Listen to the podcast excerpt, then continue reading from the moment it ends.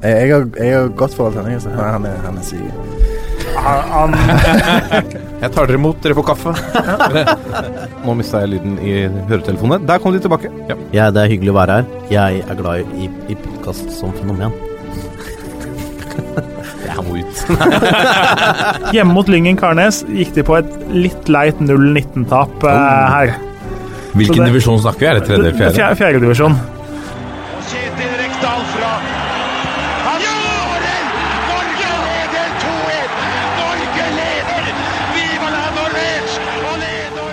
Og der er eh, toppfotball tilbake igjen. Vi går inn i sesong fire av eh, denne podkasten. Dette faste hva skal vi si, gjøremålet hver uke, hvor vi kommer og får utløp for all vår interesse, vår kjærlighet, våre følelser og tanker og ideer om eh, hva jeg mener er den aller beste fotballen i hele verden, nemlig den norske. Episode 116 117. Ny Litt usikker der. Er litt usikker der. Uh, det er fortsatt en stund til uh, avspark, men nå har vi hatt så lang juleferie, og det har likevel skjedd såpass mye som vi må snakke om, til at nå kunne vi ikke holde oss eh, borte lenger. Velkommen i studio, Jørgen Kjernås. Hjertelig takk for det. Du tar jo aldri fotballferie. Du er jo alltid på jobb. Ja, det, det spilles alltid en kamp, gjør det ikke det? det NSB påstår vel at det alltid går et tog. Jeg påstår at det alltid spilles en fotballkamp. Så, Apropos NSB, har du sett noe til jernbanelandslaget for øvrig? Nei, dessverre. Det, er, det får bli på lista over 2019s potensielle gjøremål. Ok. Ja. Joakim Bårdsen, velkommen. Tusen takk.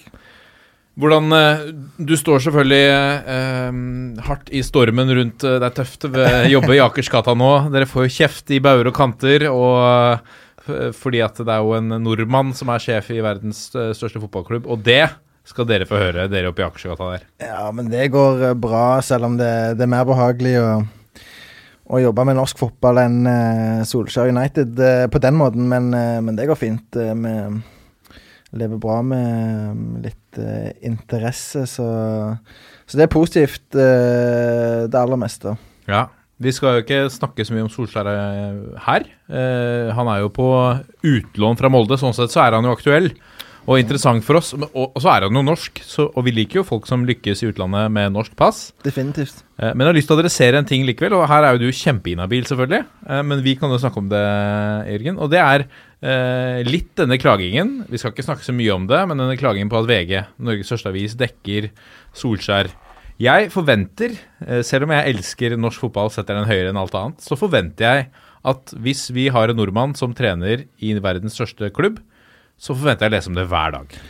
Ja, det skjønner jeg, og det er jo ikke bare VG som, som dekker Solskjær eh, eh, tett og, og stort. Eh, Det gjør jo de aller fleste norske mediene, og, og som du sier, så er jo jeg inhabil, men eh, det er jo en del som, som mener at eh, den dekningen er i overkant stor. Eh, jeg personlig kan jo bare si at jeg tenker av og til at det der er ty en type nyhetssaker eh, fra tid til annen som eh, eh, det gjerne blir skrevet litt vel mye om. Men akkurat Solskjær eh, som United-manager eh, Selv om dekningen er massiv, så føler ikke jeg at den er overdimensjonert. Eh, men det er min mening.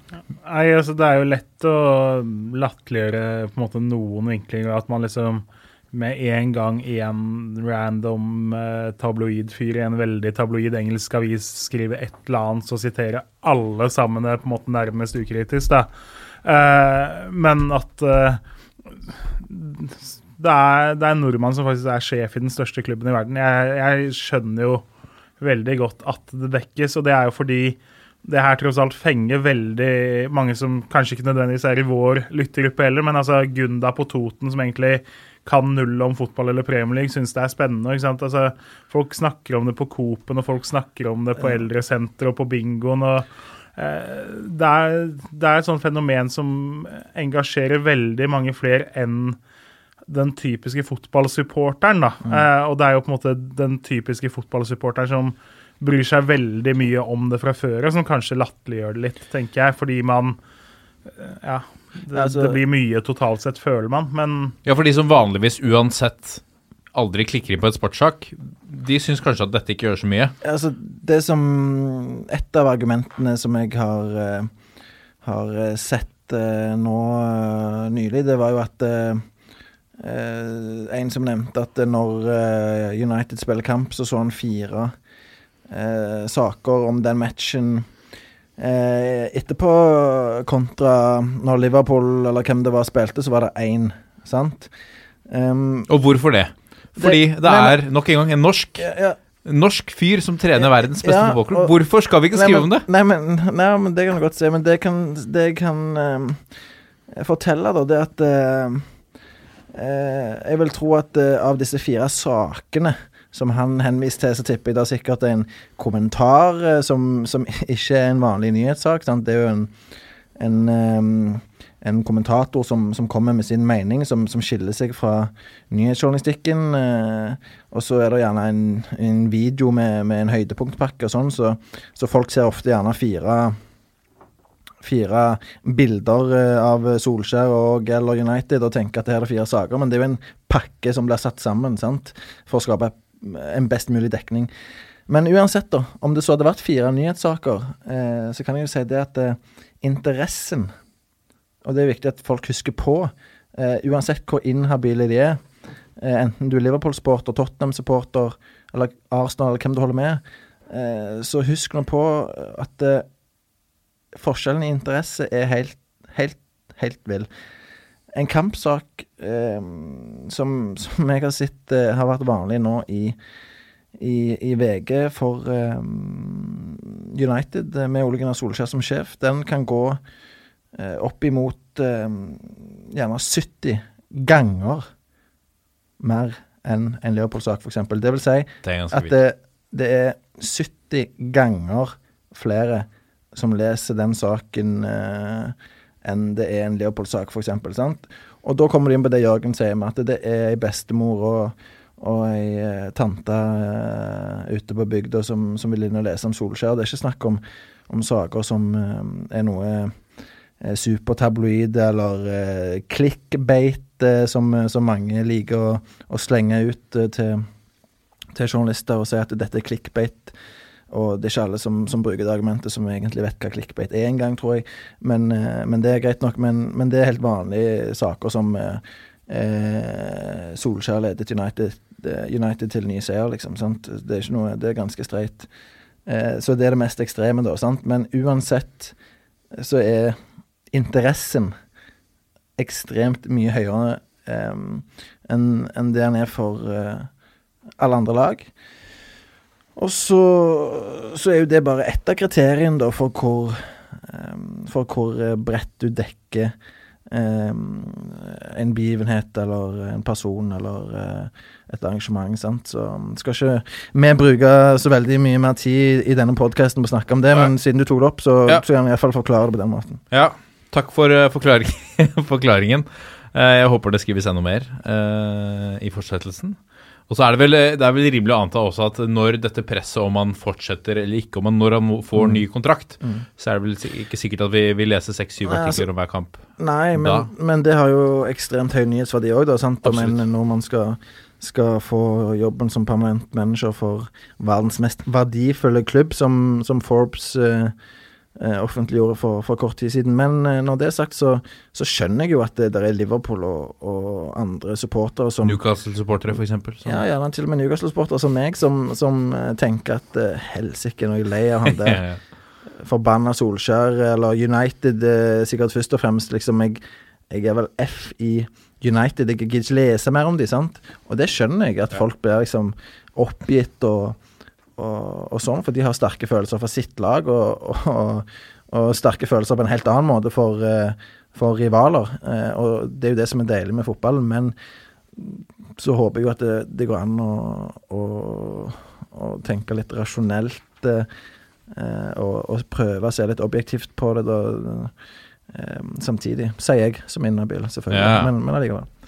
Vi har en tettpakka sending i dag, så vi må bare rase videre. Vi har fått inn masse gode forslag til eh, diskusjon fra eh, lyttere på, på Twitter. Vi skal kikke litt på, på overgangene eh, så langt. Hvem har en, fortsatt en jobb å gjøre, eh, og hvem har handlet godt? Um, skal vi en tur innom breddedypet også?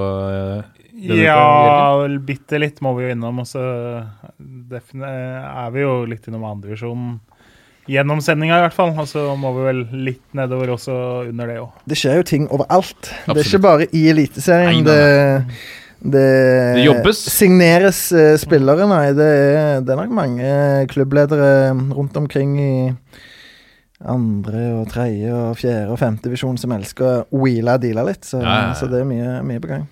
Det er mye spennende å ta tak i.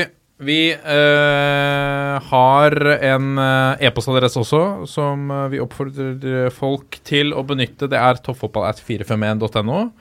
Eller du kan sende oss en, en, en tweet på Twitter på toppfotball øh, hvis du har spørsmål eller innspill til diskusjonen. Og så må Vi nevne, vi har jo fått ny, et nytt øh, cover, en ny, en ny type profil, som da gjenspeiler noen noe av de viktigste tingene eh, tilknyttet eh, norsk fotball, nemlig kaffe, vafler, pod og ball. Og da har vi på en måte fått oppsummert eh, de, i hvert fall fire av de viktigste tingene.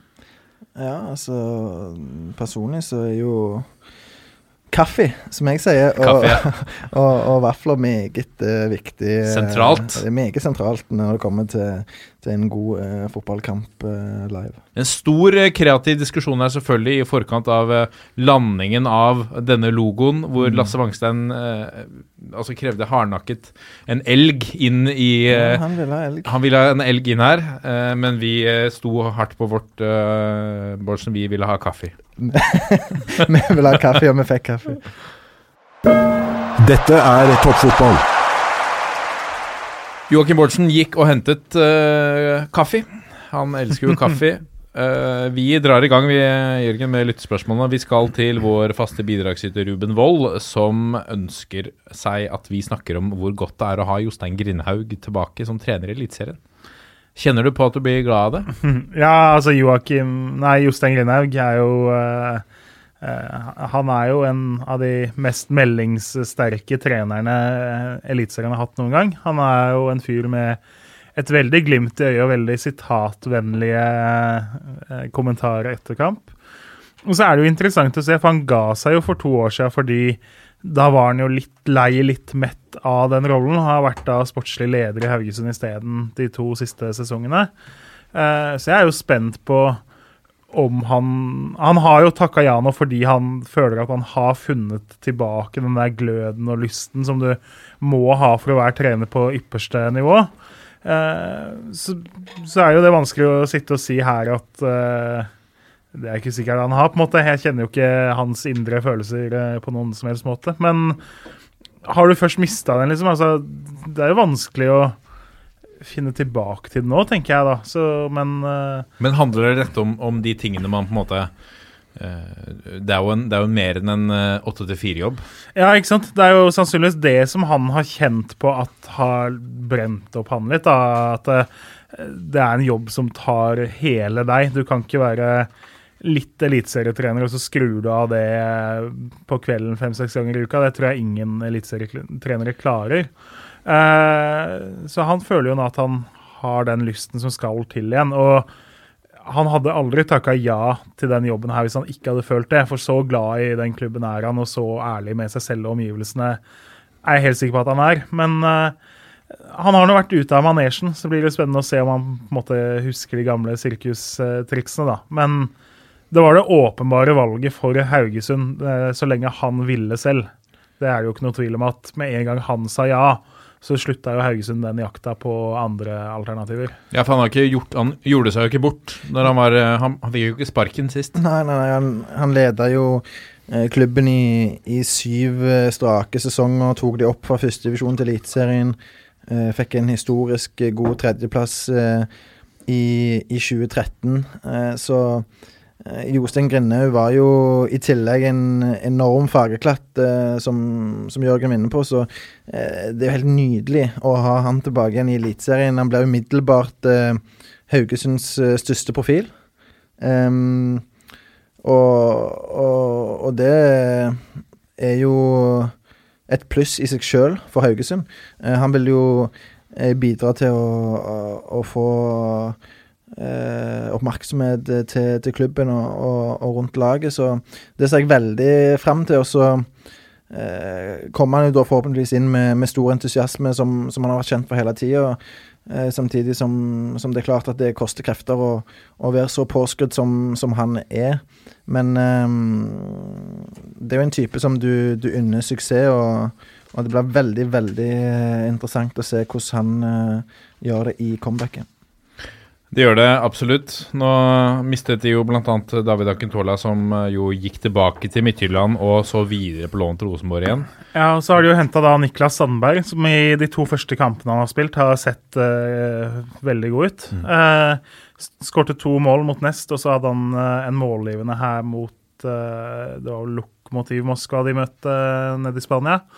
en helt annen kanttype, men veldig kreativ, godt overblikk, god på å slå de forløsende pasningene. Og selv om han ikke lyktes i start, da, så var han jo enorm for Ullkisa sesongen før. Og jeg tror Haugesund har funnet en veldig god erstatter der, selv om det er to helt ulike høyrekanter. da. Vi kan jo se litt på, på Haugesund mens vi, mens vi, er der. De har jo mistet flere profiler. Per Christian Bråtveit, en matchvinner helt bak. Kristoffer Haraldseid, som forsvant til, til Molde. Og Vegard Skjerve, da, som har lagt opp. Ja. Så de er syltynne bakover.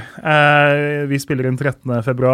Eh, hadde sesongen starta i morgen og VG-børsen på en måte hadde trilla sine terninger, så hadde alle påpekt at uh, Forsvaret og uh, keeperplassen er altfor tynn. Mm. Det kommer de til å gjøre noe med. De skal hente keeper, de kommer til å hente høyrebekk og de kommer til å hente midtstopper.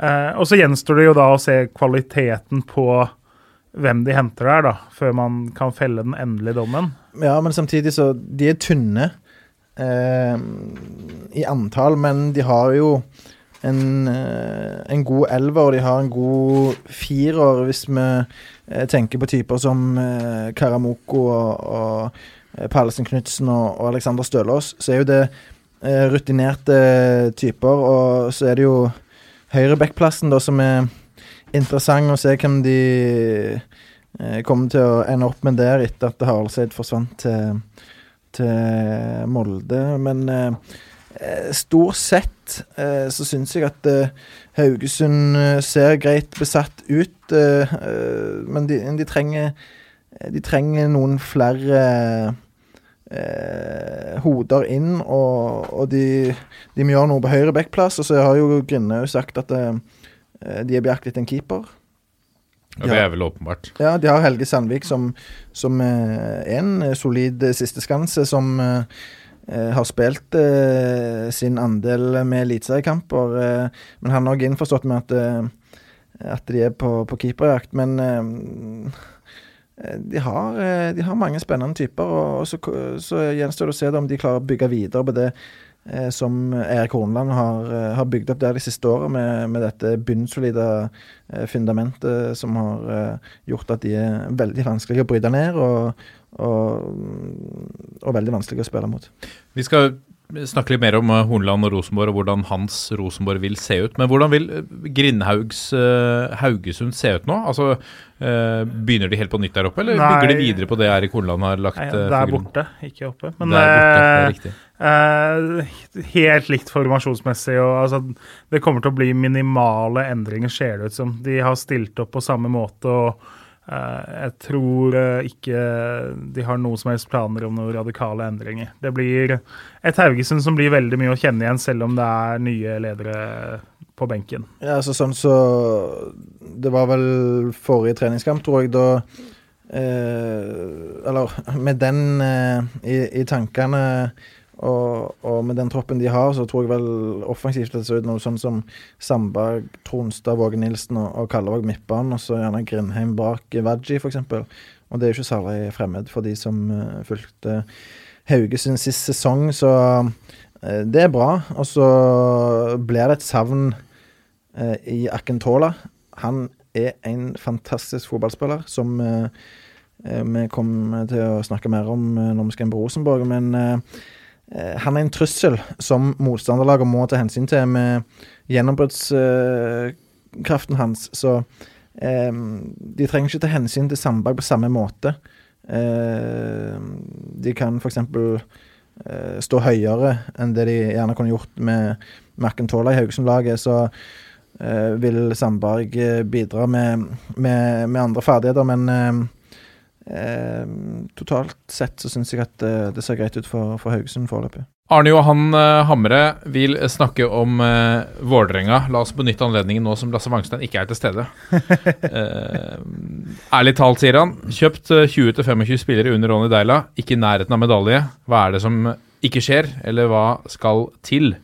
Eh, så la oss se litt eh, nærmere på hva Vålerenga foreløpig har eh, gjort på, på eh, overgangsmarkedet. Det er jo en, også en rekke der profiler som har forsvunnet ut uh, døra på, på Valle.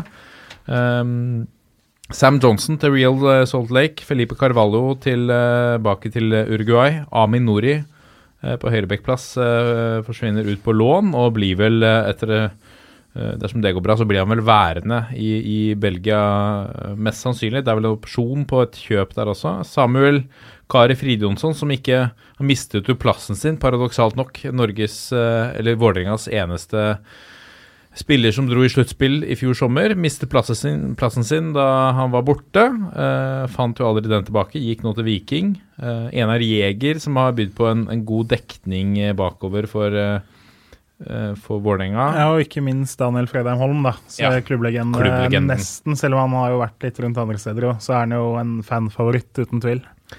Absolutt. Inn har David Vega, Matt, eh, Mathias Wilhelmsson, Johan Lædre Bjørdal eh, kommet. Herolin til- Sjala. Yes, Herolin Sjala også. Eh, og så har de fått tilbake Markus Nakkim og, og Fiti Masemi. Um, en, en spiller som Markus Nakkim, da. Nå er jo eh, Carvalho ute. Nå har de riktig- riktignok hentet uh, Bjørdal. Er uh... Ja, altså Det er jo um, urovekkende for han at de henter Lærer Bjørdal på mange måter. Fordi Markus Nakkem var uh, fast og bunnsolid for et vikinglag som uh, rykket opp for Obos-ligaen forrige sesong. Han er i en alder der han må spille. Han kan ikke sitte på benken denne sesongen her. Så det, så det er interessant å se hva som skjer med han, om, eh, om eh, Vålerenga klarer å beholde han som en type backup. Da er jo det bra for de, selvfølgelig. Men tror du de har sett for seg han på backup? Ja, altså De henter ikke Lærdre Bjørdal, en mann som de er nødt til å betale, vil jeg anta, over to millioner i året. Eh, minst for at han skal komme der. Eh, de henter ikke han for at han sitter på benken. Og så har de Jonathan Tollers Nation.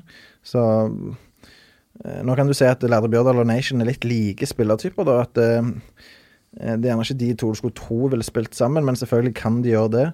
Eh, to gode stoppere begge, sant, så eh, Man må jo bare anta at de er foran eh, nakken i køen, og, og da eh, må han eh, finne ut eh, hva, hva muligheter han har, om han skal, skal bli og, og kjempe for plassen og, og, og ha tro på at det, det er mulig å, å komme inn på lag, eller om at han skal begynne å prøve å, komme seg eh, videre. Sam Johnson, eh, rask, tidvis teknisk, eh, men eh, har, ha ikke helt fått Han har skåra vel en tolv mål, 12 mål i fjor, Ja, altså- toppskårer. Ja, Men altså, har ikke, jeg sitter med følelsen han har ikke helt fått det, fått det til. Nei, han er ikke, han er ikke uerstattelig, han. Så, eh, så det er ikke noe krise for eh, Vålerenga at han er, er borte. Så eh, Så det, det kan være mulig å, å løse, men eh, det er klart Williamson, en ganske annen spisstype. Ja, Mye, av det, altså mye av det de har tenkt på, det er blant annet eh, Jeg tror de tapte 8-17 i eh, dødballmål sist sesong. På altså corner og frispark som da ble sendt videre inn i mål. Eh, det er jo en av grunnene til at man da velger å bytte ut en spillertype som Sam, Sam Johnson med en spillertype som Williamson. Man skulle ha inn mer eh, dødball og duellkraft i laget, og da er spissplass en ganske åpenbar eh, plass å starte med det på. da. Så når du da ikke nødvendigvis. Ja, men altså Hvor, hvor mange andre steder på en måte På defensiv dødball er du avhengig Du av en ikke, eh, du, jeg vil ikke si du henter en spiss eh, Ja, på grunn av eh, defensiv dødballferdigheten hans. Nei, men altså duellkraften totalt i et lag har jo også Det, det er jeg eh. Når du har et lag hvor du har ganske mange lave duellsvake spillere, da, Eh, Så, og så var de også eh, veldig inkonsekvente. De spilte jo i bakrom på Peter Michael, og så slo de innlegg på Sam Johnson. Så det er på en måte en eh, Ganske ofte en Hadde jeg vært trener, hadde jeg kanskje gjort det motsatte. Ja, altså det er jo også litt der, ikke sant? At du, har, du mener du har et kantspill som kan ekspederes bedre da, inne i feltet enn det man klarte å utnytte sist sesong. Så eh, det henger jo litt sammen. Eh, alt henger sammen med alt, på en måte. Mm. Og der har jo Ronny Dale fått en eh, Markus Pedersen-type i Mathias Williamson, sant? Eh, som passer i utgangspunktet bedre til sin spillestil med å komme rundt på kant, doble på kant og, og komme til innlegg. Og han er jo en ledertype som Vålerenga eh, på mange måter har savna. Det får de òg i Johan Lærdre Bjørdal. En enorm eh, vinnerskalle som eh, stiller store krav til folk eh, rundt seg, til og med på oppvarming. Eh, det var jeg med på for eh, mange, mange, mange mange år siden. Så han han eh, er en meget eh, bra person å få inn i den uh, gruppa, både på og utenfor banen. Så, så det, det er to signeringer som jeg, eh, som jeg liker. Og i tillegg så har du henta Devier Vega fra Brann. Han uh, passet ikke inn i Lars Arne Nilsen sin eh, eh, spillestil. eh, var ikke så lett å, å kontrollere på mange måter. Han var ikke så lett å få til å følge de instruksene som, som, eh, eh, som Nilsen ønsket at han skulle følge. Men hvis du gir han eh, litt eh, frie tøyler, som, som Deila da sannsynligvis er forberedt på å gjøre, så, så har jo han ferdigheter som, som gjør han til en av de aller mest eh, spennende offensive spillerne i Eliteserien. Vi går videre til et spørsmål fra Victor A. Lopez. Han sier at det er på tide at norske fotballfans introduseres for X-goals og annen avansert fotballstatistikk, som kommer til å bli mer og mer vanlig framover. Kanskje i form av en spalte, eller blir dette litt for fotballnerdete? Ja, altså for mange så vil det være veldig fotballnerdete. Men det, vi ble jo introdusert for det her med sjansestatistikk veldig under Drillo på 90-tallet. Da lærte jo alle nordmenn seg at eh, man skulle telle sjanser. Og så har jo dette på 25 år utvikla seg ganske kraftig.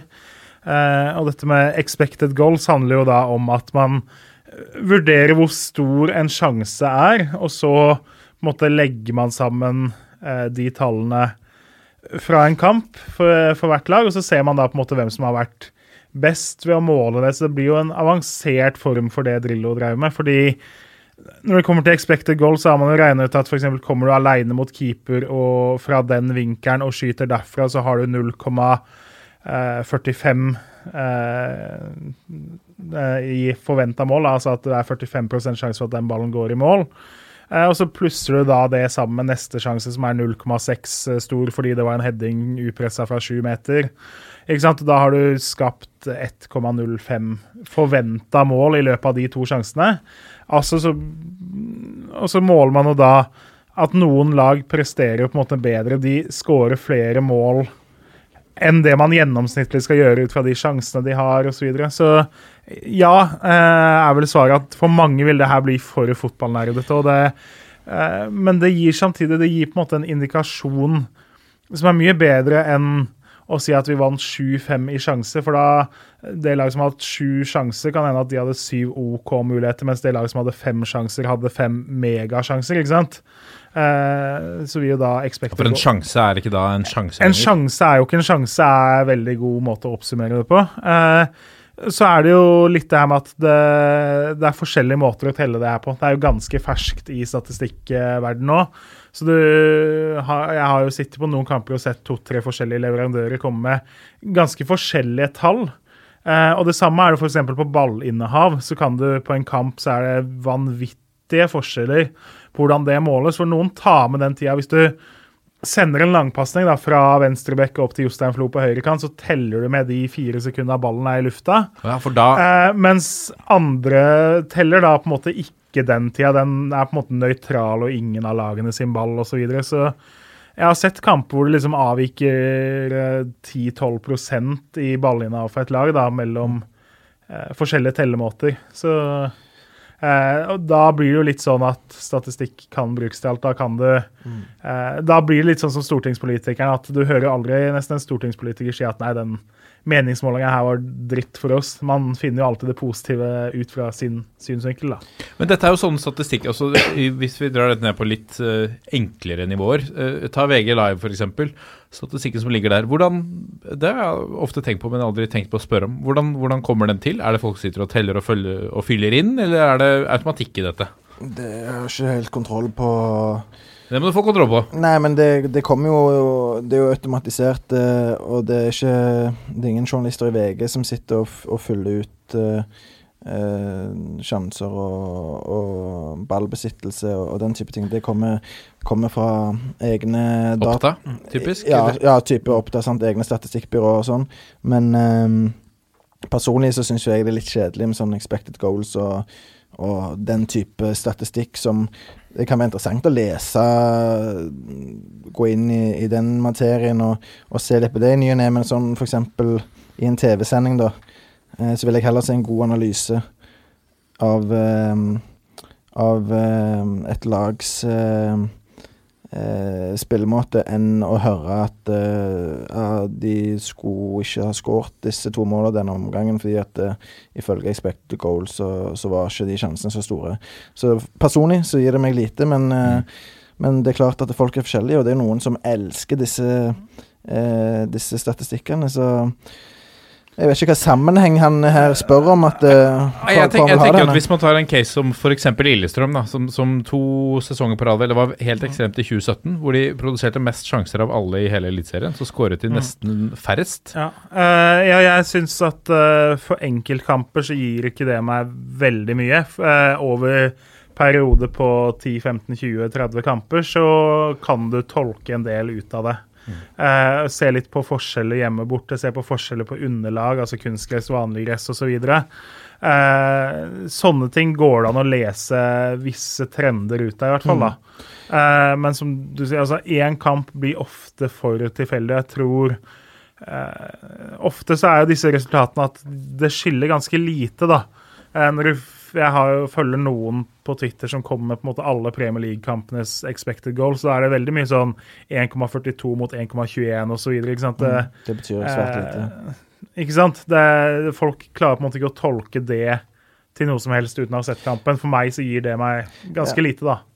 Og da er det mer interessant å se at uh, om en spiller f.eks. i løpet av de siste ti kampene eh, nærmest har overprestert eh, med tanke på uttellingen, det er så klart interessant. Og, og det kan jo brukes eh, på den måten. Men det er jo en forskjell her om du eh, snakker om eh, disse statistikkene som en eh, som en eh, publikummer, som en supporter eh, som skal se en eh, TV-produksjon eh, ei, ei helg, eh, eller om du er, jobber som eh, analytiker eller fotballtrener i en eh, klubb. Det vil jo, da vil jeg jo selvfølgelig anbefale å, å bruke statistikker og, og lene seg på, på fakta i, i visse sammenhenger som, eh, som eh, en ansatt i en klubb, men eh, som, som tilskuer så så vil jeg personlig at det begrenser seg til, til mer overordna statistikker. Men jeg, jeg, holder lenge på denne ballen her, men, men eh, jeg så et kort intervju med Arsen Wenger hvor han, ble, hvor han faktisk kom med uttalelsen om at han er redd for at eh, eh, AI, uh, artificial, artificial Intelligence, vil erstatte den moderne fotballtreneren. om ikke erstatte, i hvert fall bli et substitutt. Uh, og gi en en, eh, gi råd basert på tall, eh, hvordan vi skal gjøre det. Ja, altså ikke Og så, tenker jeg på, så har vi sett i, i Norge, men kanskje aller mest i amerikansk idrett, hvor du Mm. eh, henter spillere basert på mye mer basert på tall, altså såkalt moneyball. Ja. Og, og eh, da tenker jeg at det, Wenger er jo en mann som tilhører den eldre garde. Eh, en generasjon eh, som ikke er vant med dette her. eh, og en trener som eh, har kommet inn i yrket eh, samtidig som eh, som eh, det har vært langt mer vanlig å bruke ty ulike typer statistikker for å kartlegge spillere, vil jo ha et helt annet syn på det. Ja. Så um, vil aldri tall kunne erstatte en, en trener, fordi å være trener eller manager handler om så utrolig mye mer enn eh, å bare se på statistikker og hvem som eh, eh, har kommet til så og så mange innlegg eller blokkert så og så mange skudd. Fordi det handler først og fremst om eh, menneskebehandling, eh, spør du meg. Men det som slår meg med tanke på Moneyball, er jo at, at ett menneskes oppfatning av en kamp, f.eks. hvis du drar og ser en kamp og skal speide på en ny spiller, så kan din oppfatning av den samme spilleren være totalt forskjellig fra en annen som sitter og ser. Ja, og så er jo eh, med, Nå drar vi oss dypt inn i materien, Ja. men det er klart at moneyball og baseball handler jo veldig mye om faste situasjoner. Eh, fotball handler jo om så ekstremt mye mer enn corner og dødball og avspark. Eh, så alle som har prøvd måte å kjøre en rein kopi, klarer ikke det, fordi eh, i fotball så kan du ikke forutse situasjoner på samme måte. En- No, noen klarer det. Brentford og Midtjylland sånn, eh, som har Ja. samme, samme eier, de har jo klart å implementere disse systemene på en vellykka måte. Ja, eh, men de kjører på en måte en Det kalles jo moneyball fordi man på en måte eh, Fenomenet er mye det samme, men de eh, har funnet en modell som er veldig mye bedre og har brukt veldig mye tid og veldig mye penger på å utvikle den på egen hånd. Så det er mulig, men eh, de òg har jo noen eh, eh, noen snubletråder som de har gått til der. Man, ja. Den er ikke nødvendigvis så genial som det man fikk inntrykk av da begge to laga en veldig peak opp. Så, men at det er interessant at det brukes mer og mer, det er jo ikke noe tvil om. det er enn han her gammeldagse speideren som eh, på en måte lusker rundt i eh, kriker og kroker. Mm. eh, vi er i 2019, og alle klubbene jakter jo på noe som gir dem en liten fordel, en liten edge, i forhold til alle andre. Eh, og da testes alt mulig av sånne ting ut. Mm. Ja, så er det jo ikke sånn at eh, med all respekt for eh, alle som jobber i fotball, eh, om det går an å si sånn, så er det jo ikke alle som, som har viktige roller i verken norsk eller internasjonal fotball som er så utrolig dyktige. sant? Eh, eh, det er stor forskjell på øyet som ser, og på den kompetansen eh, folk besitter i, i ulike roller, enten om det er en trener eller en speider eller en daglig leder eller en sportssjef. Sant? Det er jo enorme forskjeller. Så mm, til syvende og sist så handler det jo om eh, kompetanse. Og, de som har den største kompetansen, det er som oftest de som gjør det best.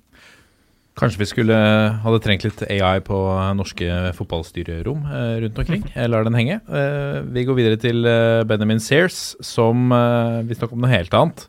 Han lurer på hva vi syns om at Arne Sandstø ikke skiller mellom hets og rasisme. Ja, eh, den Og hva sikter han til her? eh, Eh, den kreves vel sannsynligvis eh, litt forklaring. Det her bunner vel ut fra en Twitter-tråd som gikk i forrige uke, hvor da TV 2-kommentator Kasper Wikestad retweeta eh, en video hvor Mohammed Salah ble hetsa av det var vel Westham-supportere, mener jeg. Eh, og som rette sa at det her er forkastelig å se på en fotballstadion. Og så kom jo Jerv-trener Arne Sandstø med eh, noen synspunkter der om at eh, Som var litt uklare, da, men hvor han slo fast at han hørte ting som dette på hver eneste fotballkamp han hadde vært på i Norge noensinne. Og da snakker vi om rasisme. Det var jo det hele greia handla om i utgangspunktet, og som var det han svarte på. Og så kom det jo noe sånn Det var ikke helt lett, vil jeg si, da, å følge hele argumentasjonen, men for han så blei det skilt ganske litt på hets og rasisme, da. Eh, og der for meg så går det en ganske Det går en veldig stor grense mellom å skrike noe til en fotballspiller pga. Eh, etnisitet, religion, hudfarge, seksualitet, kontra det å synes at han er en jævla dust eller jævla idiot eller ja, altså noe sånt noe, da. Det strekker jeg hendene i været og sier at jeg har sikkert kalt en god del fotballspillere sjøl. Jeg har vært på ganske mange norske fotballtribuner. Eh, De få gangene, eh, også da i harde kjerner Jeg har jo venner eh, og så Jeg har stått både med Rosenborg-supportere og Vålerenga-supportere, og gud veit hva jeg ikke har stått med. Jeg har vært en liten hore der, eh, si. Så eh, de gangene jeg har hørt noen enkeltpersoner ymte frampå noe som har gått på det, så har det blitt beinhardt slått ned på med én en eneste gang av veldig mange på det samme feltet. Eh, og så sitter det garantert noen både 20-, og 50- og 70-åringer og syns at eh, han er dust og kanskje kommer med sleivete ting på tribuna til de de sitter med. Det, idioter finnes på norske fotballtribuner òg, men de gangene du ytrer deg med middels høy til høy stemme med noe sånt, noe, så blir det slått ned på. Og, Han sier jo at han, eh, han har opplevd det på alle kampene han har sett. ja, og, det, altså, og da skil, han skiller jo ikke da mellom på en måte det, det jeg og veldig mange supportere jeg tror på en måte skiller på mellom da hets eller på en måte det du gjør for å sette motstandere ut av spill, og det som Ja. du må akseptere på en fotballtribune, kontra det som faktisk er uakseptabelt. Eh, for en som ikke nødvendigvis står på den supportertribunen, så skjønner jeg at det, du kan si at ja, men er det ikke mye det samme hvis du kaller en fyr for en jævla idiot, eller gud veit hva det skal være. Er ikke det det samme? Nei, det, jeg mener at det faktisk går en ganske klar grense der. Mm. Eh, og det, er, det handler om at eh, han høyrekanten dessverre har feid inn et par gode innlegg og eh, smilt litt ekkelt til tilskuerne. Det, da tåler du å få det slengt etter deg. Men når, hvis du begynner å gå på hudfarge, religion og så, sånne ting, så er det noe helt annet. Ja. Ja, jeg er helt uh, enig. Det bifalles uh, herfra. Vi tar et spørsmål fra Mats uh, Selven, som lurer på hvordan tror dere det vil gå Dette er det mange som lurer på. Hvordan det vil gå med Ranheim denne sesongen. Var det bare et, uh, et øyeblikks galskap i fjor, eller vil oppgangen fortsette? Eller, eller vil de avta? Hva, hva tenker vi der? De har mista noen eh, sentrale spillere i Christian Egen Rismark og eh, Kristoffer Løkberg Kristoffer Løkberg, eh, ikke minst. Så og Aslak von Witre. Ja, så, så det er jo eh, menn som eh, må erstattes. Eh, eh, så har de henta inn eh, en, en god del spillere nå, men fordelen til Ranheim er jo at de har et velutvikla eh, system der folk som kommer inn, blir drilla i spesielle roller, der eh, oppgavene er veldig, veldig klare. Og jo tydeligere en trener er, jo lettere er det for en spiller å, å, eh, å prestere. Eh, Så eh, det er det positive, at Svein Målen er en tilsynelatende meget dyktig trener som, som vet hva han vil. og Det er først og fremst han òg, sammen med eh, det som har vært en fantastisk eh, eh, vinnervilje og, og lagånd i, i, i den klubben, som gjør at jeg har tro på at de kan eh, hevde seg eh, i, i 2019 òg. Og, og hevde seg for de vil være å, å holde plassen. Hvis Ranheim holder plassen denne sesongen, her, så vil det være en meget sterk prestasjon. Hva tenker vi om de nysigneringene som har kommet? De har fått et par tilbake fra lån. Ivar Solli Rønning inn fra HamKam. Jørgen Olsen Øverås fra Egersund. Erlend Sørøy fra Kolstad. Altså, det er jo ingen etablerte profiler, dette. Nei, Adria Mateo Lopez er jo en veldig spennende spiller på midtbanen der, som fort går inn og tar Løkberg sin rolle, som er en veldig ballsikker og elegant midtbanespiller. Eh, selv om Levanger da hadde et blytungt 2018, eh, så har han vært veldig god for dem i flere sesonger. og En spiller det blir kult å se på øverste nivå. Jeg så Michael Carlsen eh, eh fælt av, eh, av Lopez og, og sa at han trodde han kom til å bli en publikumsfavoritt eh, denne sesongen. Og kan ha vært eh, fem år i, i Trondheim og, og snakket eh, flytende trøndersk, så det er bra av en spanjol. Og jeg må jo si det, det er ingenting som er mer altså, En av de tingene som gleder meg mest, er når man tar en spiller rett fra så går de eh, Eller fra lavere divisjoner, så går de inn og, og blir en ny profil i Eliteserien. Det er eh, veldig moro. Det som på en måte er mest sånn vanskelig å si med Ranheim, er at de har faktisk en veldig brei stall nå. De har eh, kan stille to jevne lag egentlig på trening. De, både på midtbane og i angrep og til dels i forsvar. Så har de ganske jevne alternativer på de aller fleste plassene. Og det er jo sånn som på spissplassen nå, da, når Michael Carlsen er tilbake, og så kommer da Ivar eh, Solli Rønning inn, som har vært eh, frisk for Levanger og HamKam i flere sesonger, men nå skal ett steg opp. Og så har de da Mats Lillebo, som spilte en del mot slutten i fjor. Eh, samme på kantene òg, så har de god dekning og en fire-fem-seks mann som egentlig har reelt håp om spilletid. Eh, det blir interessant å se på en måte hvordan de løser den etter hvert. Eh, og, og, hvis, ja.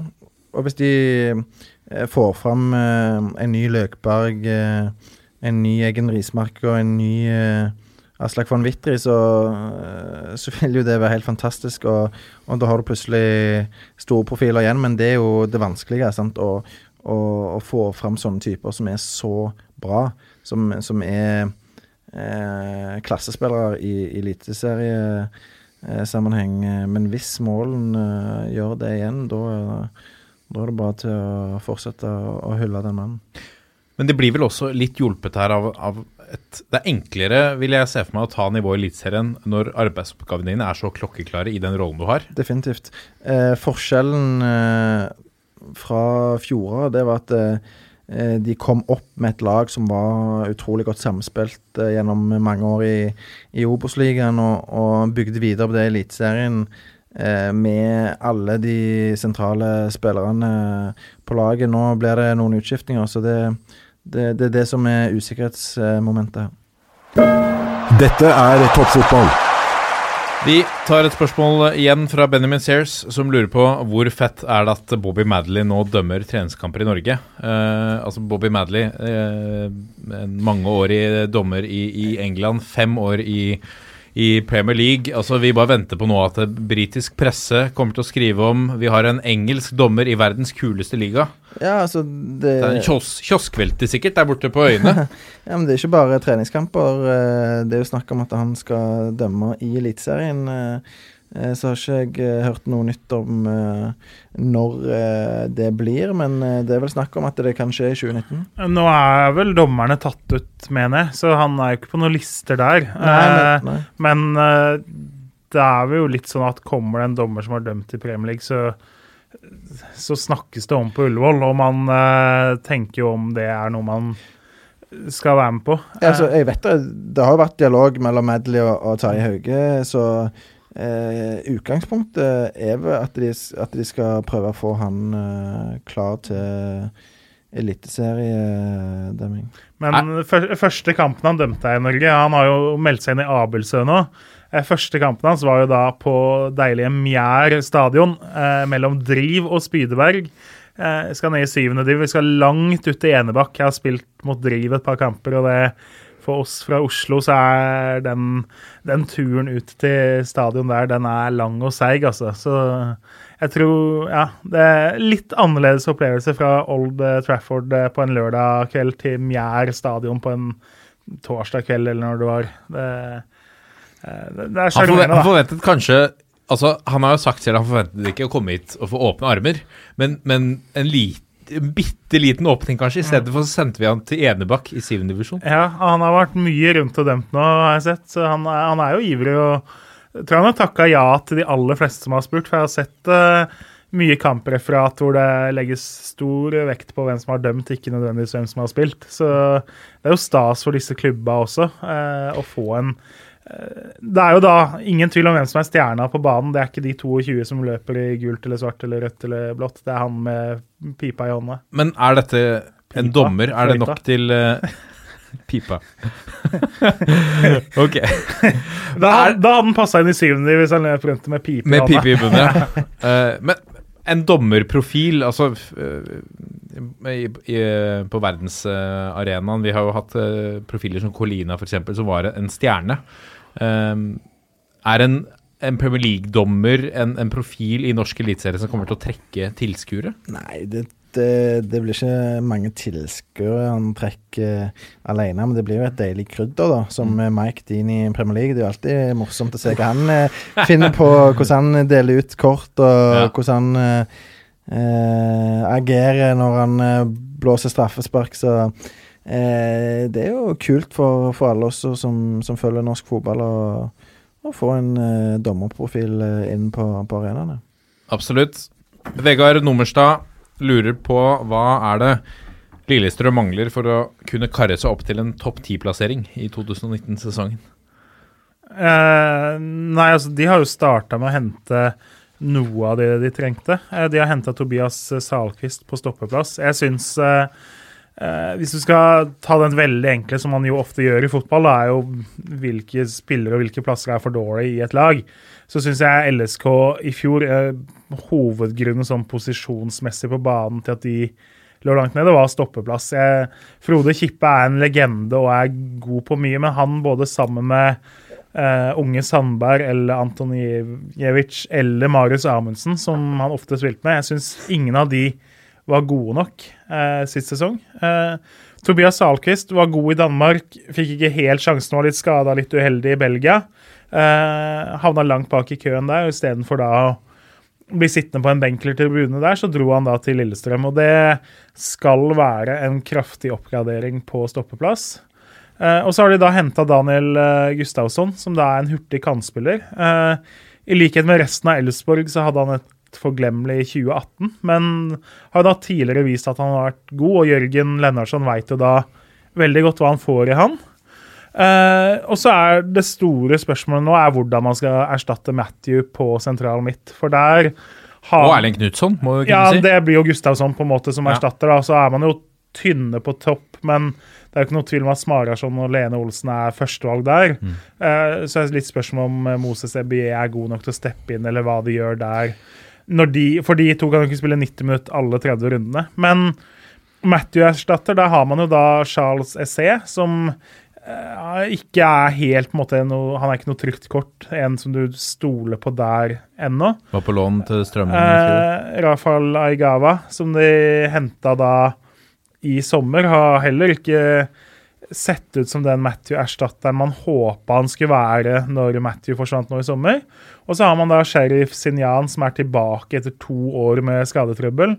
Eh, som jeg tror at eh, akkurat nå er førstevalg der, men han har da altså to år uten å ha Han har spilt veldig lite fotball, han spilte litt andredagsfotball i fjor og sånn. Eh, det er en tøff jobb å erstatte en spiller som Matthew, selv om han i likhet med LSK ikke var helt på topp i fjor. Men det viktigste Lillestrøm har gjort i vinter, er vel å, å klare å eh, signere både Smaradonna og Daniel Pedersen. Eh, så det er jo to eh, antatte bærebjelker i, i det laget, så må de fylle på rundt de. Um, så, så har du selvfølgelig spørsmål med, med Frode Skippe. Han fortjener jo i utgangspunktet en, en rask, eh, atletisk eh, stopper eh, ved siden av seg. Da vil han bli mye bedre enn eh, hvis han f.eks. skulle ha spilt med Antonijevic, som nå har gått Sogndal. Eh, da, ser plutselig begge ganske mye dårligere ut enn det de, det de ville vært med en med en stoppermakker med litt mer komplementære ferdigheter. Så det er viktig at eh, De har jo Erik Tobias Sandberg, eh, et ungt stoppertalent, eh, men eh, eh, de, må, de må hente inn en, en ny stopper, og, og eh, jeg er jo òg spent på hvordan eh, den keepersituasjonen eh, blir. Der sleit de jo stort sett gjennom hele fjorårssesongen, så framover på banen syns jeg det ser ganske bra ut. Smaradonna og, og Lene Olsen er jo klasse, begge to. Så Og det er kontinuitet nå. Nå kan de Ja. bygge på noe videre. Det har vært veldig mye de. inn og ut der. det kan de.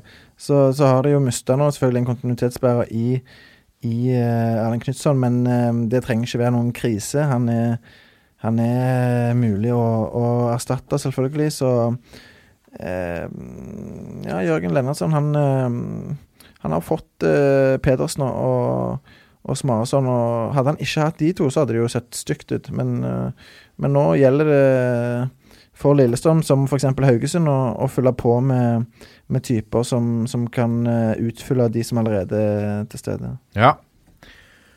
Kenneth Sørensen, og her er vi nede på, på bredde, Kjernås. Snakke litt om uh, Obos-cupen og valget av å ha denne i januar og februar. Nesten alle kampene er utsatt pga. været. Ja, Dette er eh, Obos-cup som vi kjenner fra Ja, fra lavere divisjoner. Obos-cup har ingenting med Obos-ligaen å gjøre, annet enn at det er samme sponsor. Mm. Obos-cup er jo eh, en kretscup, rett og slett. Eh, må innrømme at jeg ikke visste om, det, om dette gjelder for alle kretser, eller hva de gjør. De har, men at mye kamper blir utsatt i januar og februar, er jo ikke overraskende. Det er jo det var en helg her for er det, en halvannen uke siden hvor det snødde noe fryktelig, og da ble jo KFM Fredrikstad ble avlyst. Eh, Asker skulle spille mot et eller annet lag, jeg lurer på om det var Follo, den ble avlyst. Eh, de kampene som spilte, Ullkisa og Skeid spilte det eh, Jeg satt og så kampen på stream og venta på at det skulle bli snøballkamp istedenfor fotballkamp, for det eh, Ja.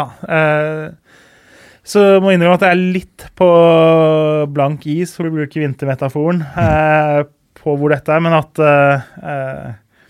det bør vel ikke være noe sjokk for noen at hvis man prøver å gjennomføre fotball i januar og februar, så kommer det utsettelser og avlysninger pga. Av været. Det må vi vel kunne si. Ja. Erland eh, Nørstebø er en, eh, en eh, for så vidt en fast En slags toppfotballambassadør på Gjelleråsen der. Han er, han er flink til å si fra når Gjelleråsen gjør det bra, og det har de gjort i en lang stund. Og han forventer å se deg på, på Li i slutten av juli, Kjernos, for da er det Gjelleråsen mot Hønefoss. Ja, eh, litt kjedelig tidspunkt. Jeg var jo glad for så vidt og at Hønefoss fikk fire kamper på Romerike, som jo blir ganske nærme meg. Eh, slutten av juli er jo eh, Det er ikke helt sikkert resten av familien føler at Gjelleråsen-Hønefoss eh, skal prege alle ferieplanene i sommer, men eh, eh, det, det er ikke umulig. Vi har ikke helt lagt kabalen der. pleier ikke du å se noe breddefotball oppe i Bømlo og sånn på den tiden der? Borti. Borti, ja. Eh, Sterk på geografi. Ja, eh, det hender er at vi har sørga for å time litt etter når det er tredjevisjonskamper på naboøya, annet. Ja. Det kan bekreftes. Men eh, med to unger og en eh, kone som skal jobbe litt i sommer, så er det dessverre ikke sånn at tredjevisjon får eh, være førstevalget for Alta kabal, da. Men ja, Synd. Synd. men han spør også hva vi tror om avdelinga, og det er klart at Hønefoss er kanskje den største favoritten vi har, i hvert fall i de fire øverste divisjonene i år. Eh, det er det ingen tvil om. Eh, og så har jo de da bl.a. fått juling 05 av eh, Eidsvoll-turen for ikke så lenge siden. Så Hønefoss har fortsatt en lang jobb igjen før de forsvarer den suverene favorittrollen de akkurat per nå har. Uh, Gjelleråsen imponerte veldig sist sesong, og så har de fått ny trener med Ørjan Heibergen. Mista en del viktige brikker som bl.a. har prioritert studier istedenfor å sparke ball i tredjedivisjon. Så eh, de klarte seg godt i fjor, og er vel sånn at eh, hvis en ny bekymringsløs eh, sesong midt på tabellen, det er vel ikke helt urealistisk, og det er vel ingen som ville vært veldig misfornøyd med det eh, hvis man kopierte 2018s resultater, tror jeg. Nei. 30 understrek Christian. Gratulerer oss med en ny logo. Pent, sier han. Det, det er hyggelig. Han eh, ønsker å snakke om Egersund. Det er gjort mange gode signeringer i vinter. Skal det endelig lykkes eh, med opprykk for de i år, da? Da er vi jo i, i Rogaland, eh, ikke altfor langt Oppe i Rogaland der? Oppe i Rogaland, ja. Ikke så langt fra, fra Stavanger. Det er jo deilig. Eh, Egersund er jo gjerne den mest spennende klubben i Rogaland. Rogaland eh, denne sesongen. Eh, hvis vi ser på, på eh, muligheter Klart du har et Haugesund som skal ut i Europa, da, selvfølgelig. Er Mer spennende enn Viking? ja, altså, ja, altså Viking vil jeg tro får en en uh, utfordrende sesong, for å si det på den måten, der uh, hvis Viking holder plassen, så vil det være bra. Um, det er krevende å rykke opp uh, med en med en anstrengt økonomi og, og uten økonomiske muskler til å bare plukke de forsterkningene man måtte ønske seg. Så, så det blir jo tøft. Men i Egersund derimot så har du veldig mye penger eh, sammenligna med eh, konkurrenter. Så eh, har de allerede fått på plass eh, en utrolig sterk eh, tropp. Eh, de henter jo stjerne på stjerne eh, i andredivisjonsmålestokk, og de har jo navn som eh, Markus Naglestad, en, en eh, kar som har spilt eliteseriefotball for eh, Sandefjord. Han har vært i, i HamKam og ham, Skikkelig målskårer. ja, hamra en mål. Han har vært i Hødd og dunka en mål. Eh, og, og nå er han eh, flytta til Egersund og,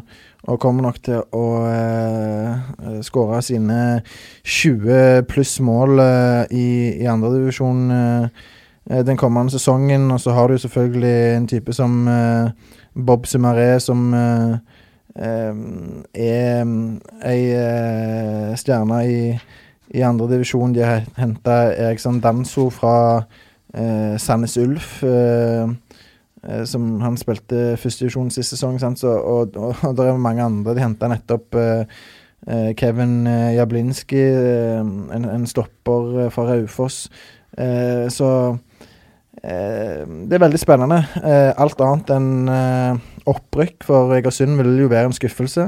De har eh, Grunnen til de har penger, er jo eh, fordi at de har en eh, pengesterk eh, eh, investor i ryggen. De har et et bryggeri, Berentsens bryggeri, som holder til i Egersund, som, som, som sponser de, og så er det uh, en ny trener som, som, uh, som uh, fikk sving på ting eh, eh, siste halvdel av forrige sesong eh, i, i Ujan eh, Bijan, som eh, eh, er fra mm, Stavanger. Eh, eh, han er vel eh, oppvokst på, på Kjensvoll og, og eh, var assistent og, og eh, sportslig leder, var det vel, eh, inntil Olaf Ørn Bjarnason, eh, den tidligere brannstopperen, eh, eh, måtte gå fra, fra jobben eh, midtveis i sesong. Og da kom uh, Ujan Bijan inn, en, en ny eh, eh, spennende trenertype som, som er opptatt av det med å, å se mennesket i, i, i spilleren og, og eh, få det beste ut av eh, hver enkelt individ, sånn at det blir et bra kollektiv. Og det er jo en filosofi som jeg har stor tro på, så mm, det, det det ser eh, positivt ut i Egersund nå, og så blir det veldig spennende å se hva resultater de får når sesongen starter.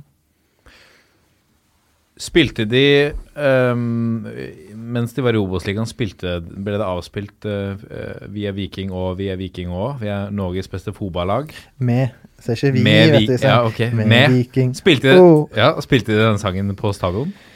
Uh, Eller lot man være det i og med at man lå i Obos-ligaen? Nei, det, Med det Norges beste fotballag! Ole, ole, ole, jo. Altså, det, den sangen der er det faktisk en uh, kompis av meg som, uh, som lagde Jeg trodde det var Kjartan Salvesen. Nei, han har uh, Viking er tilbake. Så det stemmer jo ganske bra nå, da. Viking er tilbake i Eliteserien. Så den spiller de nå? Den skal jeg love deg de spiller nå. Han er jo eh, markedssjef i, i klubben og, Ja, stemmer det. og, og herjer jo der nå, han. Så um, er tilbake med Stavanger-kameratene var jo på Idrettsgallaen og så, så det er velstand i, i Stavanger nå. Ja, det blir spennende å se den gamle, den gamle storheten.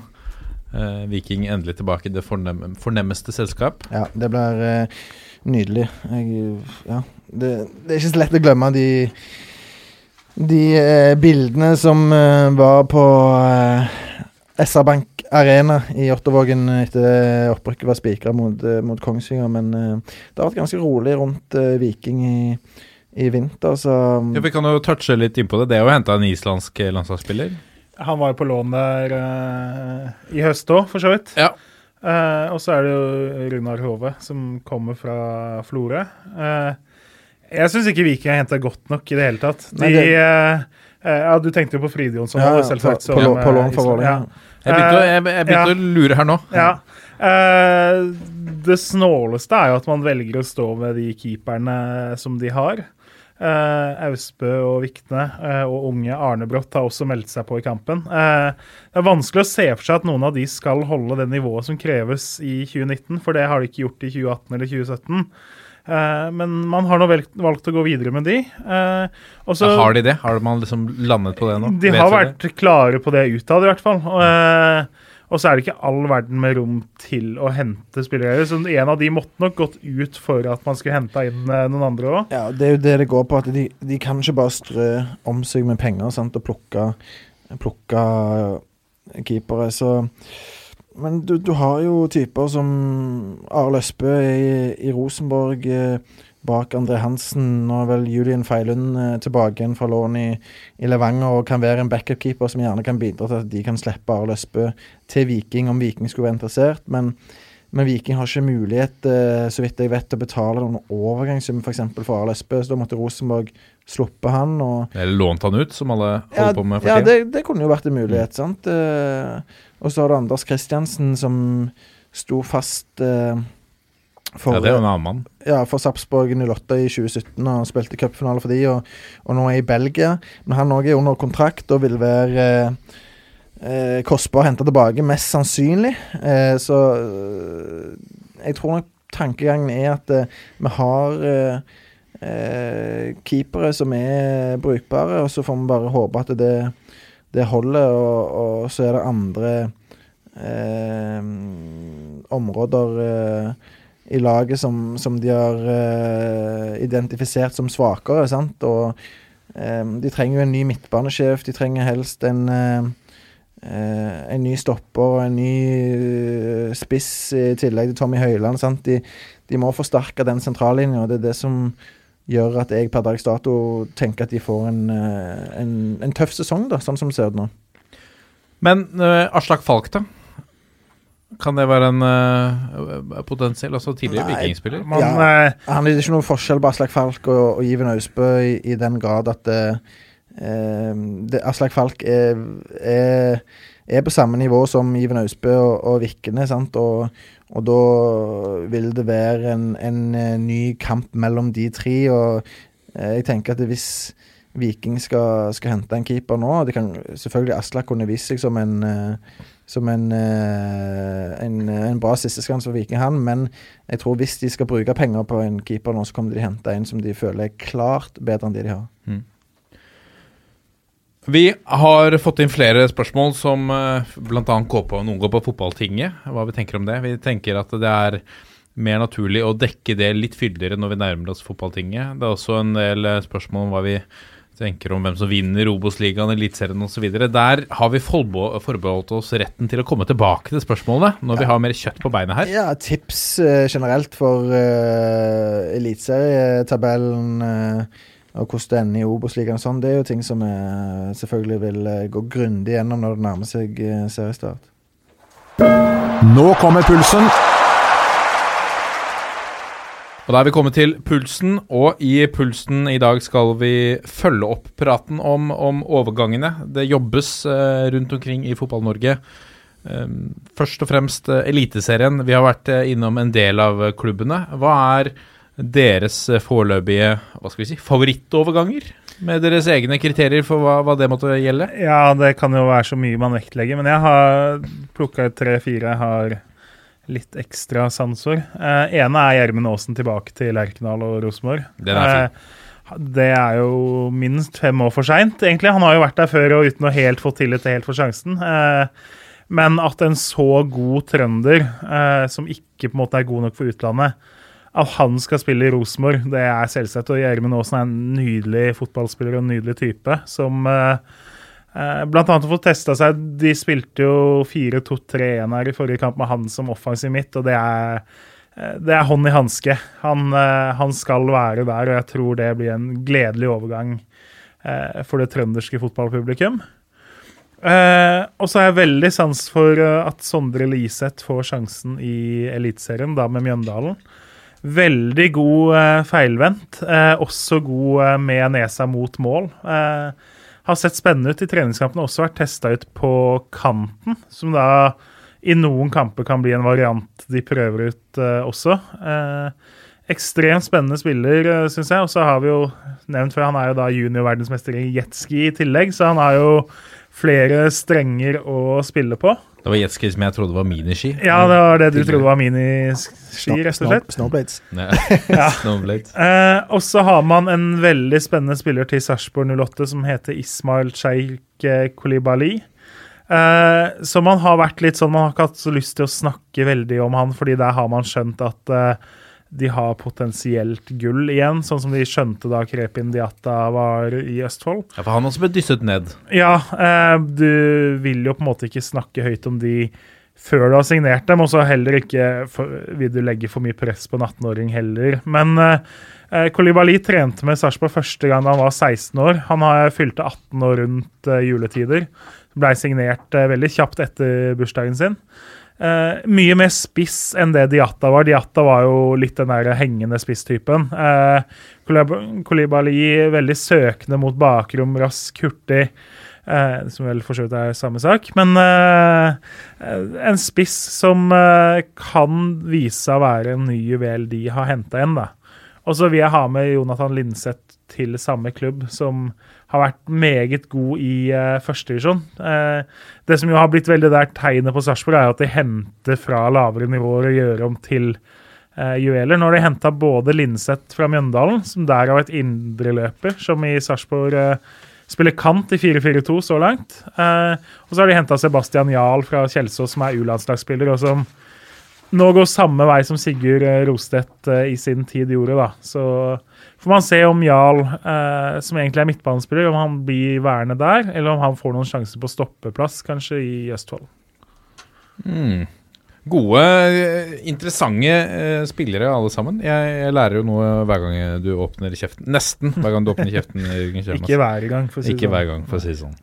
Jo, Joakim Borsen, har du, har du uh, plukka ut noen eh, som du syns er spennende? En, en, en med en bra sveis, f.eks., eller har du andre kriterier som du går etter? Ja, jeg har eh, et par andre kriterier, iallfall. Men eh, det er alltid spennende når eh, en spiller bytter klubb, eh, stort sett. Og eh, du har jo sånn opplagte eh, typer som eh, Erik Ulland Andersen, som har gått fra Godset til Molde. Det er en sånn signering som du forventer eh, vil forsterke Molde, og som vil eh, være en dominant eh, skikkelse i Eliteserien. Eh, det som jeg gjerne ser på som den potensielt sett beste signeringen, er Kristoffer Løkberg til Brann, av Brann. Um, men, det som er paradokset, da, det er at det, jeg tror eh, Lars Arne Nilsen nærmest har et luksusproblem, liksom, fordi hvem skal han vrake Mm. på den midtbanen der? sant? Eh, etter at de resignerte Bermen nå på en treårskontrakt eh, eh, som det var litt usikkerhet rundt pga. Eh, det som dessverre er disse eh, nakkeproblemene som han eh, har eh, etter at han pådro seg eh, eh, den der fryktelige smellen bort mot Haugesund for eh, noen år siden, så, eh, så er jo han eh, klar nå. Og, og da er det en mann som eh, er, er i utgangspunktet bankers på det brannlaget. Han eh, var en av lagets viktigste spillere forrige sesong, um, og året før. Eh, så, så han er jo, har jo den ene indreløperposisjonen i utgangspunktet. Så har du eh, Fredrik Haugen på den andre, og du benker jo ikke Fredrik Haugen. Eh, og så har du eh, Ruben Yttergård Jensen som, som anker, og, og Løkberg er jo best som indreløper. Så eh, hvordan eh, Lars Arne Nilsen løser det, det ble jo interessant å se. Men, men så er det jo sånn at det, sånne type luksusproblemer, de, de løser seg ofte av seg sjøl òg. Eh, eh, nå har Brann fått på plass en eh, fantastisk eh, konkurransesituasjon som gjør at eh, både Haugen og Barmen eh, er nødt til å prestere. eh, for eh, å være sikra plass i elveren til enhver tid. Eh, det er jo ganske drøyt med tanke på det nivået de holder, sammenlignet med veldig mange andre midtbanespillere i Eliteserien. Men akkurat nå, i Brann, så har de fått på plass en situasjon som gjør at alle er nødt til å makse nærmest til enhver tid, og det, det er jo bare sunt. Eh, så kommer det da, det kommer skader. Eh, du har Barmen som, som sliter med nakken, som gjerne ikke kan spille alle matcher, og, og det er andre ting som kan skje, selvfølgelig. Men eh, Løkberg har potensial til å bli en eh, kulthelt i Bergen, eh, eh, som han var for Ranheim-supporterne. Så han er jo en sånn ærlig, herlig, ar- hardtarbeidende type som eh, Og som også har vist seg å være målfarlig. ja, altså, han var, eh, han var når det er sagt, nå er det mye ros eh, for, for Løkberg men han var jo iskald uh, foran mål eh, helt fram til han uh, kom opp i Eliteserien forrige sesong. Men der uh, uh, dunket han jo inn det ene Han var vel motsatt av iskald. I Altså, Eliteserien, ja. Men før det så hadde han vel eh, to mål på syv år, sånt. ja, mange vil omtale iskald som kynisk og, og, og rolig. i Ja, men ja, i denne sammenheng så Stiv som en stokk, så, eller? ja, andre- nei, nei, nei, i denne sammenheng så bruker jeg iskald eller, i, som, som det motsatte av brennhet. Ok, hvis du Å ja, å, ja, Ja, ja. forstår. Ja, så han var, var iskald når det gjaldt skåringer. Det jeg syns er snålt med Brann så langt i vinter, er at det er, det er som du påpeker med midtbanen, at en luksus... en luksussituasjon der. Det de henter jo spisser i det vide og det brede. Eh, nå har de kvitta seg med Skålvik, så henter de da Markus Menert fra Asker, som per nå ikke er god nok for å være en eliteseriespiss. Eh, de har Henrik Kjelsrud Johansen, som jo heller ikke har noe voldsom tillit, som ikke har bevist noe for å få mer av det. Azar Karadas, som er en typisk super-sub i visse kampsituasjoner. Og så kommer da Erlend Hustad fra Notodden halvveis i sesongen, som er en spennende spiss. Eh, kanskje mer spennende enn Menert for 2019 i hvert fall. Men som heller ikke er på Skålevik sitt nivå, da. Eh, og så har man jo jakta da på noen alternativer der. Men du vet hvem Eh, starter? Ja, selvsagt starter Bamba, men de vil jo gjerne ha en som er god nok til å eh, kom, kunne spille de andre typene kamper. Altså det de vil ha, er jo en Kjelsrud Johansen eller Karadas som er bedre eh, enn de to de har. Og så mangler de da sånne altså De mangler jo dekning på venstrekanten, fordi der har du De har henta Petter Strand, som jo også går inn i den midtbanekabalen, men som da Han vil jo egentlig ikke være kant. Eh, Gylly Rolandsson, som klarte seg godt der, men som ikke er noe sånn eh, Han er ikke noen naturlig kant på et gullag, og vil egentlig ikke spille kant, han heller. Og så har du Marengo, som eh, trolig er på vei vekk, som har vært skada nå, og som har kontrakt til sommeren. Så eh, litt ubalansert tropp syns jeg de har ennå. Ja, men altså, jeg, jeg er ikke helt enig, fordi at eh, hvis du ser eh, Hvis du setter opp eh, den offensive trioen òg, så har du eh, Gilbert Komson, som er meget, meget bra eh, på, på høyre kant. Og så har du Strand som en potensiell backup der. Så har du Bamba og eh, Bamba som er klart alternativ i midten, eh, som, som de kjøpte for eh, 7-8 millioner forrige sommer. Eh, som, som har potensial til å bli eh, toppskårer i Eliteserien. Og da har du tre-fire spissalternativer bak han, faktisk. Og så har du Rolandsson, som som òg utfyller den rollen på, en, på en meget god måte, med tanke på, på eh, Brann-stilen. Og så har du da Marengo, eh, hvis han blir, eh, som et alternativ. Så, så personlig så syns jeg at troppen ser ser ut til å være i rute. De har òg resignert Ruben Kristiansen, og, og mest sannsynlig så betyr det at de har Grøgaard som backup på venstre back, og det er en solid backup å ha. Og så har de jo Acosta og, og Christian Egen Rismark som, som duellerer om en stoppeplass på siden av Wormgård, og de henta eh, Løvgren, så, mm, så jeg syns at det, det ser eh, bra ut i Bergen. Ja, det De har altså, det, altså, hentet, eh, Eirik Holmen Johansen på keeperplass. ja, Og og det, Håkon Oppdal. Og Håkon Oppdal. Oppdal er vel ikke uh, Han er vel uh, tenkt, tiltenkt en plass på benken. Eh, altså, den kampen er jo kanskje den jevneste, selv om Holmen Johansen er Mener du det? Ja. Oppdal og Holmen Johansen. ja. Eh, Eh, landslagskeeper Holmen Johansen. ja, han var jo innom der. Jeg, eh, de har henta i De har henta to totalt forskjellige keepere. Uh, Holmen Johansen er Men uh, mener du de er like gode? Nja, om de er like gode. De er gode på hver sin ting, da. Okay. Eh, Oppdal er, han er en skuddstopper. Han, han flyter på rutine og på spillforståelse. Det er det som gjør at han har vært en ganske god keeper i 15 år. Eh, han mangler totalt det som eh, mange vil ha en, eh, i en moderne keeper. Som gjelder da det å kunne behandle ballen, gjerne med beina. Der er til gjengjeld Holmen Johansen god. Holmen Johansen er for dårlig på det man tenker han skal være god på. Altså rekkevidde, det å faktisk nå ut på skudd, lese situasjoner, der syns ikke jeg han er god nok i det hele tatt. For, for et lag som da legger lista på at nå skal de jakte gull, da. Eh, han er god nok for Sandefjord, Bodø-Glimt, den type klubber. Jeg, jeg er litt overraska at de henta han. Jeg var helt sikker på at når Sean McDermott eh, var ledig nå, eh, uten kontrakt, at Brann kom til å gå for han.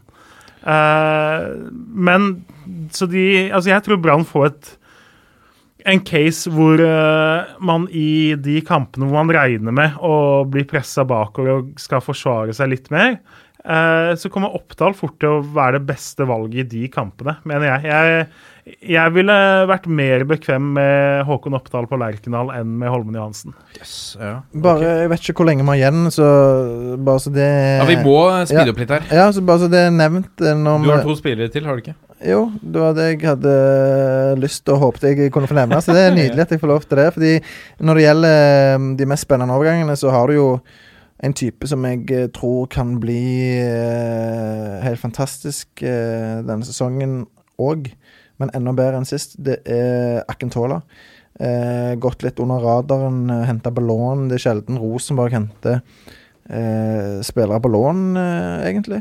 Men han, han har de fått på plass en mann som Hornland selvfølgelig kjenner godt fra, fra fjorårssesongen i, i Haugesund. Og han har jo ekstremt tøff konkurranse, da.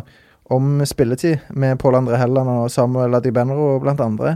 Men ikke Jebali lenger, som jo har signert uten at Rosenborg visste om det. Ja, sant. Ja, han har iallfall uh, forlatt klubben nå, men uh, Akentola er en type som uh, er uhyre spennende, syns jeg. Eh, eh, så, um, så han uh, tror jeg fort kan vise seg å bli en hit i Trondheim, hvis han bare klarer å, å finne veien fram til en eh, plass på det laget der.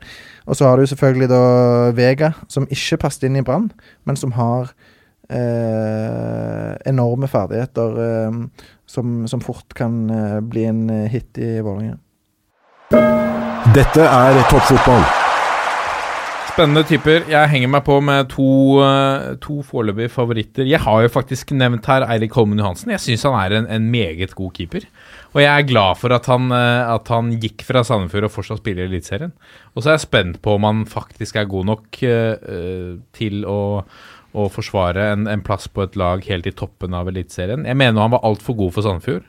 Um, en annen, men det blir, det blir spennende å se om det blir altså Jeg mener det er helt opplagt at Håkon Oppdal er hentet inn som en, en reserve av gammel kjærlighet. Han vender hjem. Det er, litt, det, er litt det Det er jo derfor Ja, han er altså- hentet. Han er jo ikke hentet som en førstekeeper. Nei, det, altså, det er jo ikke noe tvil om at Holmen Johansen er henta som førstekeeper, og Oppdal er henta som andrekeeper. Men uh, for meg så er den kampen veldig mye jevnere og veldig mye mindre opplagt enn Enn Lars enn en sånn, en sånn sort-hvitt-ting. Nei, jeg tror også Lars Arne Nilsen er fullstendig klar over at han har to helt ulike typer, da. Ja. Uh, ja. Ja. Eh, så vil jeg trekke fram Kristoffer Hoven, som vi snakket om i, i fjorårets kåring av årets eh, Dang. Som er jo en spiller som har herja på, på ditt kjære Hønefoss, eh, Jørgen. 19 Mm. mål på 25 kamper. ja, og skårte da seiersmålet mot Djurgården i sin første KBK-kamp også. 1-0 eh, der. Og eh, kult eh, klubbvalg. Altså Er det ett sted man skal eh, kanskje slå igjennom ved å komme fra, fra lavere divisjoner, så må det være et sted som Kristiansund, som, som ser deg, og som uh, satser på unge, og som er nødt til å satse på de yngre gutta. Ja, det er klart, og de test, har testa ut en litt sånn 4-2-3-1-variant, hvor det ikke utenkelig at han spiller med Kastrati rett bak seg, og så får du Bendik Bye og Torgill Gjertsen på kantene. Det, det er en spennende variant, det. Han siste jeg har nevnt, er Martin Bjørnbakk, som jeg har eh, egentlig bare personlig sansen for. Spilte var kaptein på et Bodø-Glimt-lag som faktisk slapp inn fjerde færrest eh, innslupne mål i, i, eh, i 2018. Et, uh, var en solid kar i, i Bodø. Uh, nå går inn som enda en midtstopper i, i Molde. Det kan være et bra steg for uh, han å ta det, kjempe i toppen av Eliteserien. Vi har snakket om en del klubber her. Eh, Det er jo noen som fortsatt har en solid jobb å gjøre, som vi betegnet betegner som fortsatt ligger i minus. Altså eh, i, i Drammen så har profilene forsvunnet ut på løpende bånd fra, fra Strømsgodset, og der, her må de vel handle, eller? Ja, eh, de kommer nok til å eh, hente noen spillere, de. Samtidig så, så har de jo en eh, grei eh, stamme i, i laget, så det er ikke noe sånn eh, akutt eh, krise i, i Drammen. Eh, de kan fortsatt eh, beholde roen og, og eh, jobbe på inn mot seriestart. Så klart de har mista Tokmak og og Ulland Andersen, som, var veldig viktig for de eh, sist sesong. Eh, Gerradi forsvant forrige sommer. Det er typer som, som eh, enten må erstattes direkte, eller eh, eh, Eller som, som de må få fram alternativer i egne rekker som, som kan fylle de, de tomrommene der. Jeg, jeg, altså jeg skjønner ikke godset helt, jeg, da. For det eh, Hvis vi snakker ubalansert stall, så kan, tror jeg de hadde vunnet i NM akkurat der nå. Eh, de har fem-seks gode backer, og kan fort hende at i hvert fall fire-fem av de er i en toppa oppstilling nå. Eh, Monir Hamoud som stopper fordi det er Lars Sætre-alternativ, og Lars Sætre er, ikke god nok. Eh, det er egentlig ikke Hamoud heller, så at de gikk igjen til stopper snart det, Jeg blir veldig overraska hvis ikke det kommer inn en stopper. Stian Ringstad er dytta opp på kantplass. Eh, de har prøvd en 4-4-2-variant i de første treningskampene. Eh, og Da har man jo en sentral midtbane hvor både Henning Hauger og Herman Stengel og Martin Rønning Ovenstad, som ennå ikke har kontrakt, men som da eh, trener med laget og fort får kontrakt. Ingen av de var gode nok i fjor. Eh, og så jo, tenker man jo at 4-4-2 er tanken at da får man plass til Moss og Markus Pedersen sammen. Veldig logisk fordi begge de skårer mye mål og er gode. Og så står da BP og sier at det de først og fremst jakter på, er en tier, altså en offensiv midtbanetyp. Og da skjønner jeg ikke hvorfor man spiller 4-4-2-varianter i en treningskamp, og hvor skal man Altså, Får man plass til en tier sammen med Markus Pedersen og Moss? Nei, det er vanskelig å se for seg den nå. Så eh, Godset er for meg litt den at der, eh, der er jeg veldig spent på å se hvordan stallen ser ut til seriestart, og hvordan de stiller opp både mannskapsmessig og uh, formasjonsmessig når, når det er alvor. Vi kommer vel ikke til å tippe de til gull, som det var enkelte som gjorde her uh, i fjor. Nei, det er, det er ikke noe gullag de har per nå, i hvert fall. Det er, de kom seg jo vidt un, så vidt unna kvalik, og eh, per nå Altså, man veit at de kommer jo til å hente noe, da, fordi de er så i minus på spillerfronten. Men hva de henter og hvor god kvalitet, det avgjør veldig mye. altså.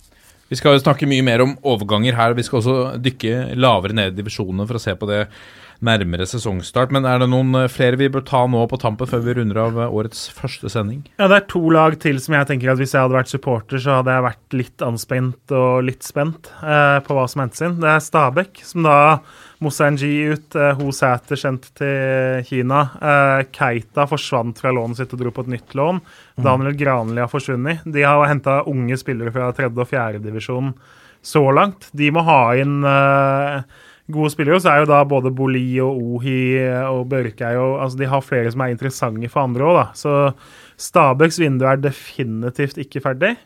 Det andre laget er jo da Bodø-Glimt, som har mista sine to trolig viktigste spillere i Bjørnbakk og Fardal Opseth. Eh, I tillegg så har de én keeper i stallen. Jeg syns ikke Ricardo er helt der oppe. Så de bør ha keeper, stopper og spiss på et høyt nivå. Eh, for at Hvis jeg hadde vært Glimt-supporter, så hadde jeg forventa det for å kunne si meg ganske fornøyd før sesongstart. Hvis vi, før vi runder av, uh, Odd. Hva, det står ganske stille i, i, i Skien. Ja, Nå henta de jo Egil Selvik, som da kommer til å gi Rossbakk kanskje kamp om den keeperplassen. Og Rossbakk er jo litt sånn, han vil jo egentlig ut, og så har ikke helt tilbudene kommet. Eh, Andreas Helmersen er jo en spennende spiss, men fikk jo da en ny kneskade her for en ukes tid siden. Og man har vel ikke fått noe endelig konklusjon på hva det var. Men for en fyr som da har tatt korsbåndet vel tre ganger tidligere, så er ikke akkurat kneskade det, det du vil høre. Og så har de da henta Aldrup Jensen tilbake på lån, som jo betyr da at fjorårets bestemann Vebjørn Hoff blir indreløper isteden. Eh, kanskje til lagets beste, kanskje ikke. Eh, det medfører jo òg denne skaden at Børven, som da var påtenkt å være indreløper, fort blir spiss igjen. Så Odd eh, heller ikke noe sånn at man tar bølgen nedi nede i Skien enn så lenge, tror jeg. Nei. Men det er eh, fortsatt en stund igjen, og det er eh, fortsatt en stund igjen til eh, seriestart. Men nå er i hvert fall vi Vi er i hvert fall i gang. Så smått i gang. Eh, eh, Topptrente eh, og, og klare for begynner å bli klare for en ny sesong. Eh, det er eh, mye å se fram til, og vi skal eh, love å dekke både Eliteserien, Obos-liga, andredivisjon uh, og lenger ned. Eh, hva er det laveste vi kommer til å gå? Nei, altså, laveste vi kommer til å gå, er Niende, det er vel- er jo det laveste på seniornivå. Ja, ja, det, så det, ja, det er helt riktig. Det er klart å gi ni. Dukker det opp en god sak på bedrift, så kommer vi til å dekke det også. også. ja da. Det, Det, du var vel inne der med noe sånn uh, herlig uh, referat. bedriftsnavn uh, forrige sesong. Sporveiene mot uh, noe greier, var ikke det? Det er riktig. Eh, akkurat nå så har Ørn Kristiane har jo da meldt seg på i bedriftsserien. Eh, første kamp så tapte vi eh, 7-0 mot CrossFit Oslo. ja, Det, det var men- ganske tungt oppgjør. Ja, men den kunne jeg uh, sett komme, Du hadde faktisk. satt penger på den? Jeg hadde satt penger på CrossFit Oslo der, faktisk. Absolutt. Ja. De var faktisk meget godt trent. Ja. Vi runder av. Uh, takk, for, uh, takk, for, takk for nå. Jeg har glemt hvordan vi pleier å runde av. Ja, send oss gjerne, en, takk, send oss gjerne en, en mail på toppfotball at 451.no, eller gå inn og, og eh, send en tweet til oss på, på Twitter. Har Eh, du fått sendt ut noen kopper siden sist? du, vet du hva? Jeg har faktisk sendt ut kopper, altså. Jeg, har har ut, jeg kan sende direkte nå fra leverandøren. Oi. Så du slipper å gå innom et tregt uh, Mellomledd. mellomledd.